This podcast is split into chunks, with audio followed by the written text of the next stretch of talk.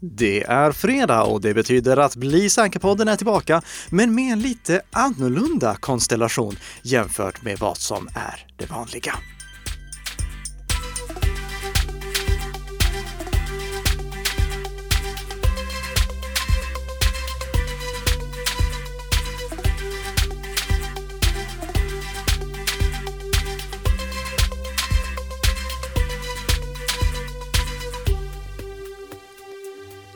God morgon, god morgon och välkomna tillbaka till Bli säker-podden som produceras i samarbete mellan Nika Systems och Bredband2.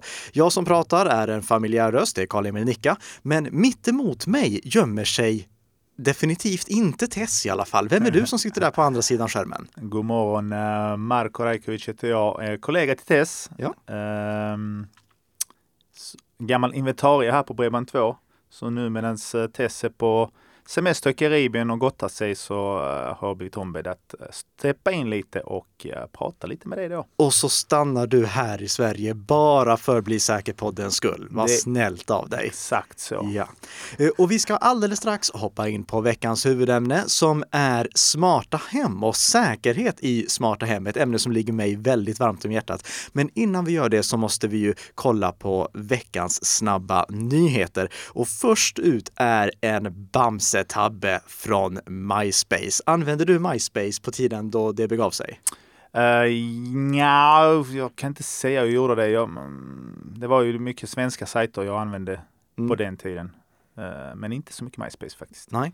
Eh, de senaste åren så har MySpace bara levt som en eh, typ av musikpubliceringsplattform mm. och har faktiskt varit aktiv som det är än idag, även om det förr i tiden var lite av en konkurrent till Facebook, som av den anledningen också blev utkonkurrerade av Facebook. Men i måndags, då berättade de att de hade blivit av med 12 år av musik, bilder och filmer som laddats upp till sajten. Alltså Oj. 12 år av musik har försvunnit från jordens yta om inte de som laddade upp musiken behöll originalfilerna. Och det här tycker jag är ett sånt otroligt bra, eh, en så otroligt bra påminnelse om varför vi inte bara ska lagra våra bilder och liknande på sociala medier. Det, vi måste behålla originalfilerna. Dels för att eh, när vi laddar upp bilder och liknande till sociala medier så komprimerar de ner bilderna och musiklåtarna för den delen också, så det blir lite sämre kvalitet på dem. Men också för att vi kan inte lita på att de här sociala medierna alltid finns kvar. Vi kanske laddar upp saker till Instagram idag och sen om tio år, då är Instagram borta. De bilderna som vi laddar upp idag, de vill vi ju alltid ha med oss och de ska vi därför behålla själva.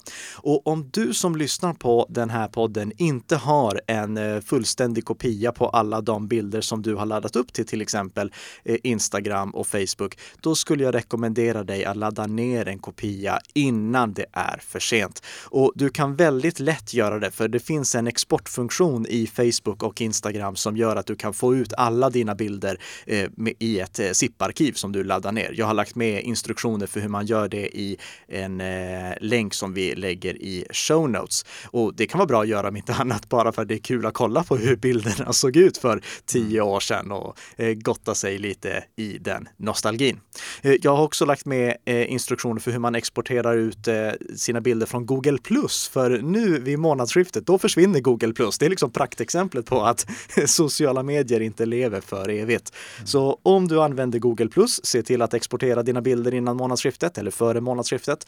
Och om du använder Facebook och Instagram, exportera gärna bilderna därifrån också så att du har en säkerhetskopia på dem själv.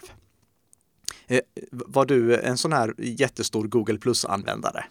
Um, alltså, vi jobbar ju med internet och det gäller för oss att hålla koll på alla de sociala kanalerna som finns där ute. Så jag var ju i början när det kom såklart väldigt mycket inne och tittade och jämförde och tyckte till och testade de olika möjligheterna som fanns på Google Plus då. Men eh, jag som många andra kom aldrig riktigt att älska den plattformen på samma sätt som, som man, bör, man använde Facebook då. Nej. Och, eh, Då, jag, jag gillade den starkt. Problemet var ju att det var inte så många andra som var där. Det, det var inte så mycket aktivitet. Ja, men det, och det är ju det, alltså, jag tror det handlar ju om de sociala bitarna först och främst. Är det, är det tomt så blir det tråkigt. Det spelar ingen roll var du är, hur fint det är där. Nej. så känner jag i alla fall och många andra tydligen också. Ja. Eh, Google Plus kommer finnas kvar för eh, företagsbruk, men det kommer inte att finnas kvar för privatpersoner. Mm. Eh, nog om det. Nästa snabba nyhet. AV Comparatives, ett oberoende laboratorium som testar antivirusprodukter eller klientskydd. De testade alla, eller inte alla, men de testade 250 klientskydd slash antivirus som fanns i Google Play för Android. Mm. och först och främst, att det överhuvudtaget finns 250 antivirusprogram eller klientskydd i Google Play tycker jag är anmärkningsvärt. Eh, mm. har du en eh, Android-mobil? Nej, jag har uh, aldrig haft det faktiskt. Jag, jag, jag blev en sån här Apple-nörd. Ah, okay. ja eh, men i alla fall, eh, det finns många som har, alltså Android är ju det största mobiloperativsystemet och eh, det finns de som väljer att installera ett klientskydd på sin mobil då bör man fundera lite. För det AV Comparatives kom fram i den här undersökningen, det de kom fram till, det var att merparten av de här apparna var rent skräp. Det var jättemånga av de här apparna, inte från de seriösa tillverkarna då, men många, många appar var rent skräp och kunde inte ens detektera 30 procent av de testskadeprogram som de utsattes för. Oj, oj. Eh, så eh, rent horribelt, men ändå publicerade i Google Play. Vill du veta mer om vilka klientskydd som faktiskt presterade bra och behovet av klientskydd slash antivirus på Android så kan du läsa det i en länkad artikel. Och avslutningsvis, har du en VPN-tjänst, Marco? Det har jag ju. Vi ja. har ju det via, via jobbet då, ja. som jag använder. Ja, okay. Eh, men du, du har ingen privat också som du använder Nej, jag hade det tidigare. Jag höll på att skriva lite blogginlägg om hur du skulle kunna titta på Netflix i USA, du vet. Ja. Så det var ju ett, ett antal år sedan. Ja, men det, det är ju liksom ett klockrent exempel. Ja. För VPN-tjänster kan användas för mycket. I företagssammanhang då används det för att man ska kunna komma åt företagsresurser när man inte är liksom inom företagets väggar. Mm. Och i privatsammanhang så används det för att eh, eh gå runt geografiska begränsningar eller för att eh, man vill eh, kunna surfa säkert på ett eh, publikt wifi. Det är också ett typexempel för varför företag ska använda eh, VPN-tjänster så att inte medarbetarna sitter och surfar på öppna publika wifi och är eh, i risken för avlyssning. Vi kommer prata mycket, mycket mer om VPN-tjänster i ett kommande avsnitt, men jag skulle redan nu vilja tipsa om en artikel som skadligkod.se publicerade. De märkte nämligen att de här stora VPN-testarsajterna som finns är långt ifrån opartiska. De kunde konstatera att väldigt många av de rekommendationer som gavs på sådana här testsajter som testar olika VPN-tjänster i själva verket verkade rekommendera de VPN-tjänster som de fick mest betalt för Oj. att rekommendera. Väldigt tråkigt att se. Eh, någonting som ni bör ha med er i huvudet när ni väljer VPN-tjänst. Och om du vill veta mer om VPN så ska du såklart prenumerera på den här podden för att då kommer vi att prata om eh, just vad VPN är och vad fördelarna med det är i ett kommande avsnitt. Det var de snabba nyheterna. Låt oss gå in på veckans huvudämne.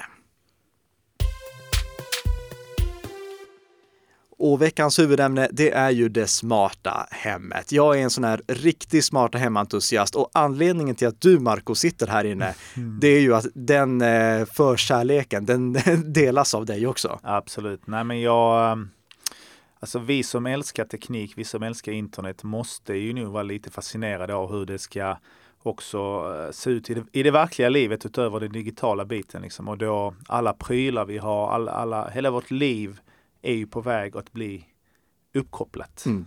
Och, och ja. Eh, i takt med att vi kopplar upp allt fler saker så ökar också riskerna för attacker. Och mm. det är någonting som man bör tänka på. För smarta hem är fantastiskt, men det har en säkerhetsbaksida om man gör fel.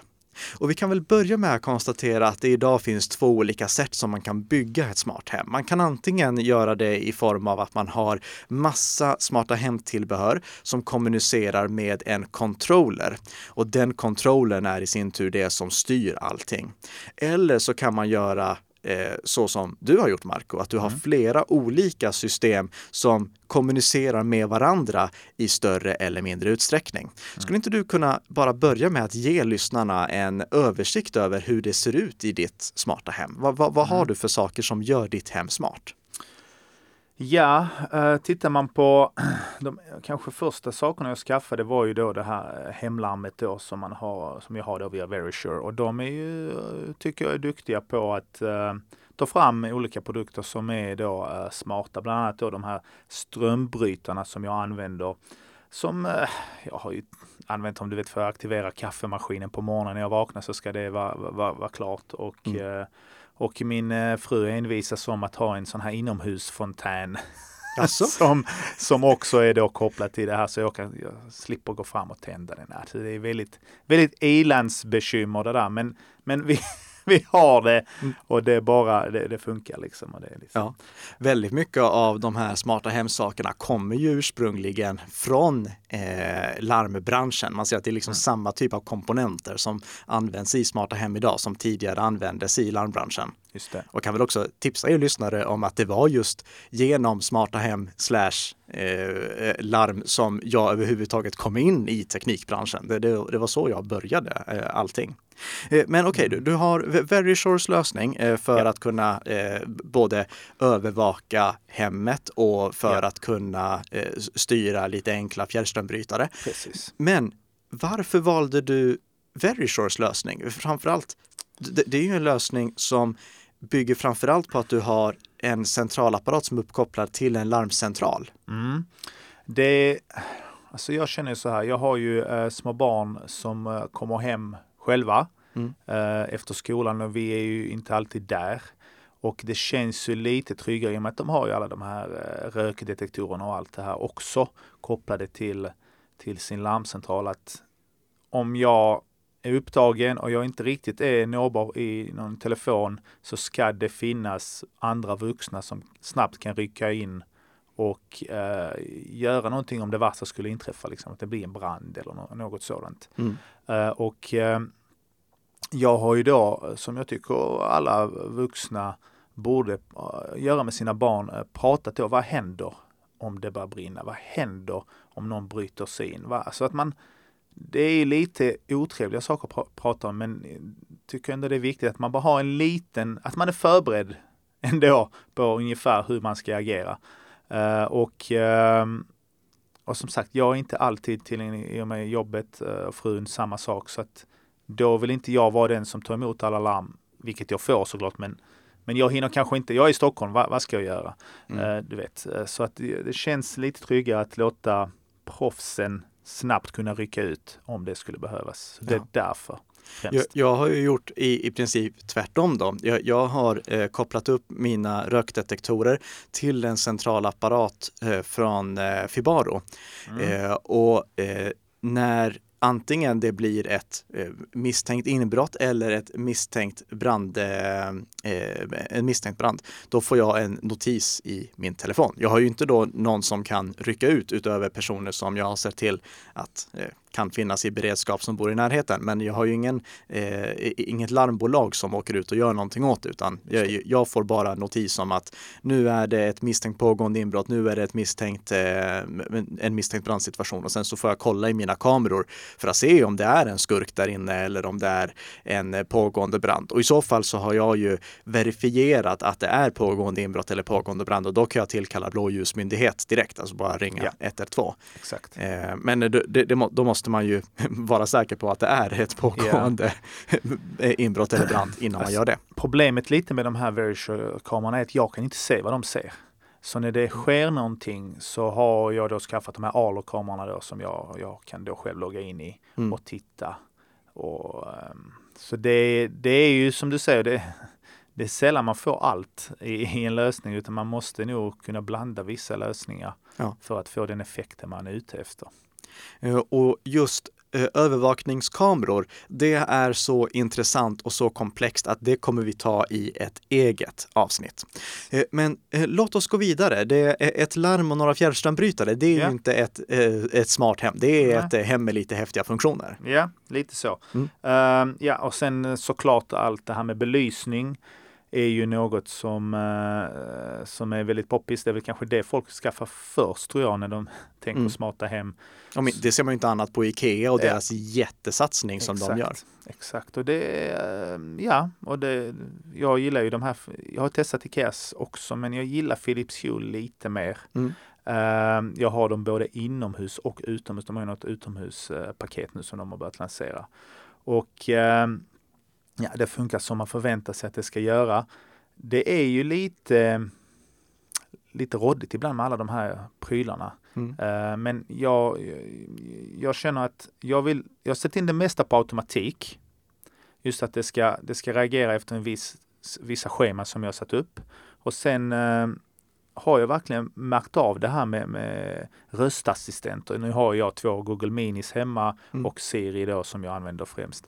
Eh, och de, eh, och jag ser även på mina barn hur de intuitivt börjar använda dessa tjänster och prata då med, med Google liksom. Ja, jag spelar den här låten eh, eller sätt, stäng av belysningen i mitt sovrum. Nu har vi döpt de här olika ru- rummen då så Mm. de vet vad de ska säga liksom.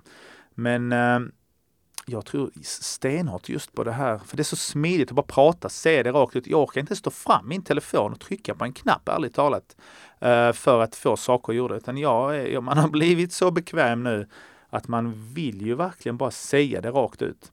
Helst Ja. är det väl bara tänka det och det ska ske, men det, är en, en bit ifrån det där.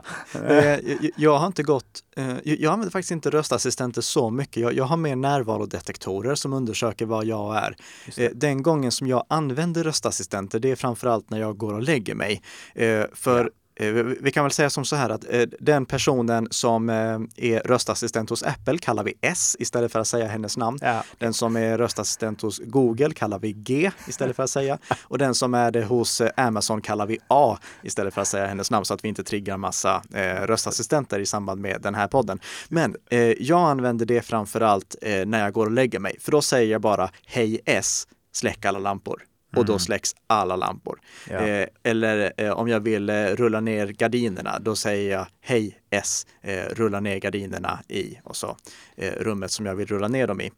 Eh, men innan vi fortsätter prata om röstassistenter så skulle jag bara vilja slänga in en kommentar angående ditt val av belysning. Mm. För det tror jag inte att jättemånga tänker på när de skaffar ett smart hem.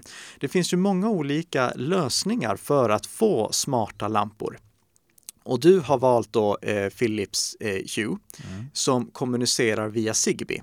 Mm. Och Philips Hue har en stor fördel ur ett säkerhetsperspektiv. Och det är att istället för att varje enskild lampa kommunicerar direkt med internet så kommunicerar lamporna med en controller. Mm. Och den kontrollen kommunicerar i sin tur med internet.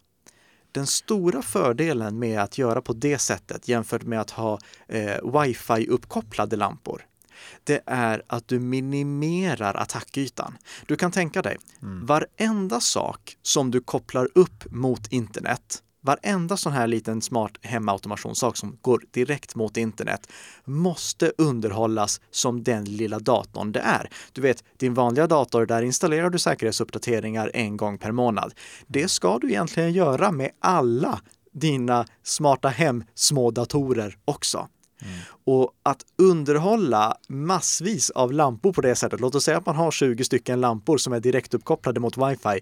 Det blir ett himla meck att underhålla dem med säkerhetsuppdateringar. För att inte prata om vad man gör dagen då tillverkaren slutar underhålla dem med säkerhetsuppdateringar. För det är en annan sak som är ett stort problem i den här branschen, att när inte tillverkarna tjänar pengar på produkterna längre, då slutar de att underhålla dem med säkerhetsuppdateringar. Jättetråkigt att se. Men det sättet som som du har gjort, det är fördelaktigt. För då är det bara själva kontrollen som du behöver underhålla med säkerhetsuppdateringar. Det är den som är attackerbar över internet. Det är den som kan infekteras. Det är den som angripare kan använda för att eh, eh infektera och sen utföra överbelastningsattacker och liknande. Du behöver inte uppdatera de enskilda lamporna. De enskilda lamporna får också säkerhetsuppdateringar, men de distribueras från kontrollen ut via Zigbee då, som är kommunikationssättet som lamporna har med kontrollen. Och det gör att de enskilda lamporna inte är nåbara, infekterbara eller attackerbara av någon på internet. Och skulle Philips sluta underhålla sin controller med säkerhetsuppdateringar, då slänger du den, eh, kasserar på ändamålsenligt sätt eh, kan mm. vi säga. Mm. Och så köper du en annan controller som är kompatibel med samma lampor. Eh, om vi tar Ikea, de använder också Zigbee och du kan lägga till Philips Hue-lampor i Ikeas controller om du skulle vilja göra det. Just det. Så just att du här har valt en standardiserad lösning eh, hyfsat standardiserat, för vi kan väl säga att Philips gör några saker för att man ska för att förhindra att man mm. använder deras lampor i allt för många andra system. Men en hyfsat standardiserad lösning där lamporna inte är attackerbara direkt över internet, det får helt klart tummen upp. Mm. Jag tror de flesta som, som du, jag tror just när det kommer till smarta prylar så har ju du de som verkligen eh, gillar att nörda ner sig mm. och titta på varenda lilla detalj i hur man ska kunna göra sitt hem, skapa sitt hem och sen finns det jag har ju själv, eh, jag tror jag är den andra som, som är, blivit lite mer bekväm. Mm. Jag, jag, när jag var yngre var jag absolut den där som skulle skruva, skruva av allting och titta. Men nu med åren och, och tiden eh, känner jag inte riktigt där att verkligen nörda ner sig så mycket som jag hade kunnat mm. göra. Och, och, jag ska säga, det ska du inte heller behöva göra. Nu ja, när smarta hem blir folkligt, Mm. Då måste produkttillverkarna förstå att det inte finns intresse från alla att nörda ner sig i de här sakerna. Mm. Vi kan väl mm. säga som så här, det finns en återförsäljare, det här är inte reklam för dem utan jag vill bara nämna en punkt nu i alla fall, för att de är en sån här smarta hem äh, återförsäljare och deras slogan är någonting i stil med att smarta hem är starkt vanebildande mm. och att man vill börja automatisera mer och mer och mer. Det stämmer definitivt ja, in på mig. Ja, samma här. Ja, eh, men det stämmer inte in på stora allmänheten. Väldigt många vill bara ha en lampa som de kan automatisera på ett enkelt sätt och då ska de inte behöva oroa sig för de här sakerna. Ja, och det, det är någonting som jag tycker att alla produkttillverkare måste ta till sig och också någonting som jag upplever att Ikea och Philips har tagit till sig när de har byggt den här lösningen där de har smarta lampor som kommunicerar med en controller istället. Har du, är det Ikeas uh, gardiner du har? Eh, nej, det är det faktiskt nej. inte. Det, jag har gardiner från Hasta eh, som jag har automatiserat. Men Ikea kommer ju släppa smarta gardiner också. Mm. Det, jag tror inte de finns i butiken. Eh, senast Nej. jag såg det så var de försenade. Ja. Eh, men det kommer smarta gardiner från Ikea också. Och när Ikea släpper smarta gardiner, då är det ju liksom folkligt. Det är det yttersta beviset på ja. att det här är någonting som är vänt mot folket. Att en så stor aktör eh, som jag misstänker har levererat typ hälften av Sveriges rullgardiner ja, erbjuder smarta gardiner också. Eh, oj, eh, vad har du mer i ditt eh, smarta hem? Uh, ja, sen uh, när det, uh, typ, utöver den här Philips Hue så har ju den här Nanolif Aurora också. Mm. Som, vad är det för någonting? Alltså det är typ paneler som du har som kan göra ett mycket starkare ljus än vad Philips kan. Mm. Som du kan då sätta på en vägg eller på ett tak. Det är lite sådana här oftast gamingrum och lite sådana typer av miljöer som du brukar se sånt i. Ja. Och um, det var ju mer återigen av nyfikenhet att se lite hur man kan jobba med ljus på lite andra sätt som jag skaffade. Men det är typ som uh, Philips Hue, samma funktionalitet. Den har ju också uh, en ny attachment nu då så att du kan, uh, den reagerar på ljud. Så när mm. du spelar musik hemma så matchar den då ja. din, ditt tempo, om vi ska säga så. Men mm. hur styr du den? ja, den styr jag. Jag, jag använder ju Apple HomeKit för det mesta eh, hemma då. Och kan jag säga Apple HomeKit är Apples lösning för att kunna styra saker via Apples egen app och också för att kunna styra det via röstassistenten S. Exa, ja, förlåt, just det, förlåt. och eh, GES eh, system funkar också för att styra de här grejerna. Mm. Så allting är ju eh, kopplat till, eh, till de här assistenterna då. Ja. Och så finns det ju appar också, deras egna som jag kan använda, vilket jag aldrig brukar behöva faktiskt. Men den här produkten, Mm. den är uppkopplad direkt mot internet, eller hur? Den är ju det. Ja. Vad gör du den dagen då Nanoliv slutar? Jag ska säga, det här- är inte kritik mot Nanoliv på något vis, för det, det, det här är den lösningen som hade varit, det, här är den lämpligaste lösningen för dem att använda. Men vad gör du den dagen då Nanoliv inte längre finns kvar? Mm. Det har inte jag tänkt på. Eh, men ja, nu kommer jag ju tänka på det. Eh, och, och det är egentligen det som vi i det här första avsnittet om smarta hem vill skicka med en påminnelse om. När du bygger ett smart hem, då kan du göra det i väldigt olika utsträckningar, i väldigt olika skalor. Vissa vill bara ha en smart lampa som de ska kunna tända och släcka på distans. Och då kan till och med en wifi-uppkopplad lampa vara rätt. Jag säger inte att ingen ska köpa wifi-uppkopplade lampor.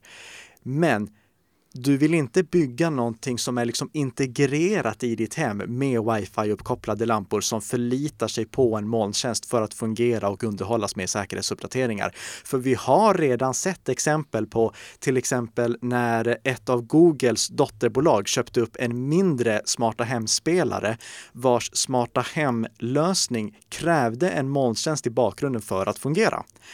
Och det som hände då, det var att de några månader senare la ner stödet för den molntjänsten och produkterna blev oanvändbara. Svenska Vattenfall hade en egen lösning för att man skulle kunna automatisera sitt hem. Men nu i år lägger de ner den tjänsten och de här produkterna blir lika användbara som dörrstopp. De- De kan inte användas till någonting annat än det.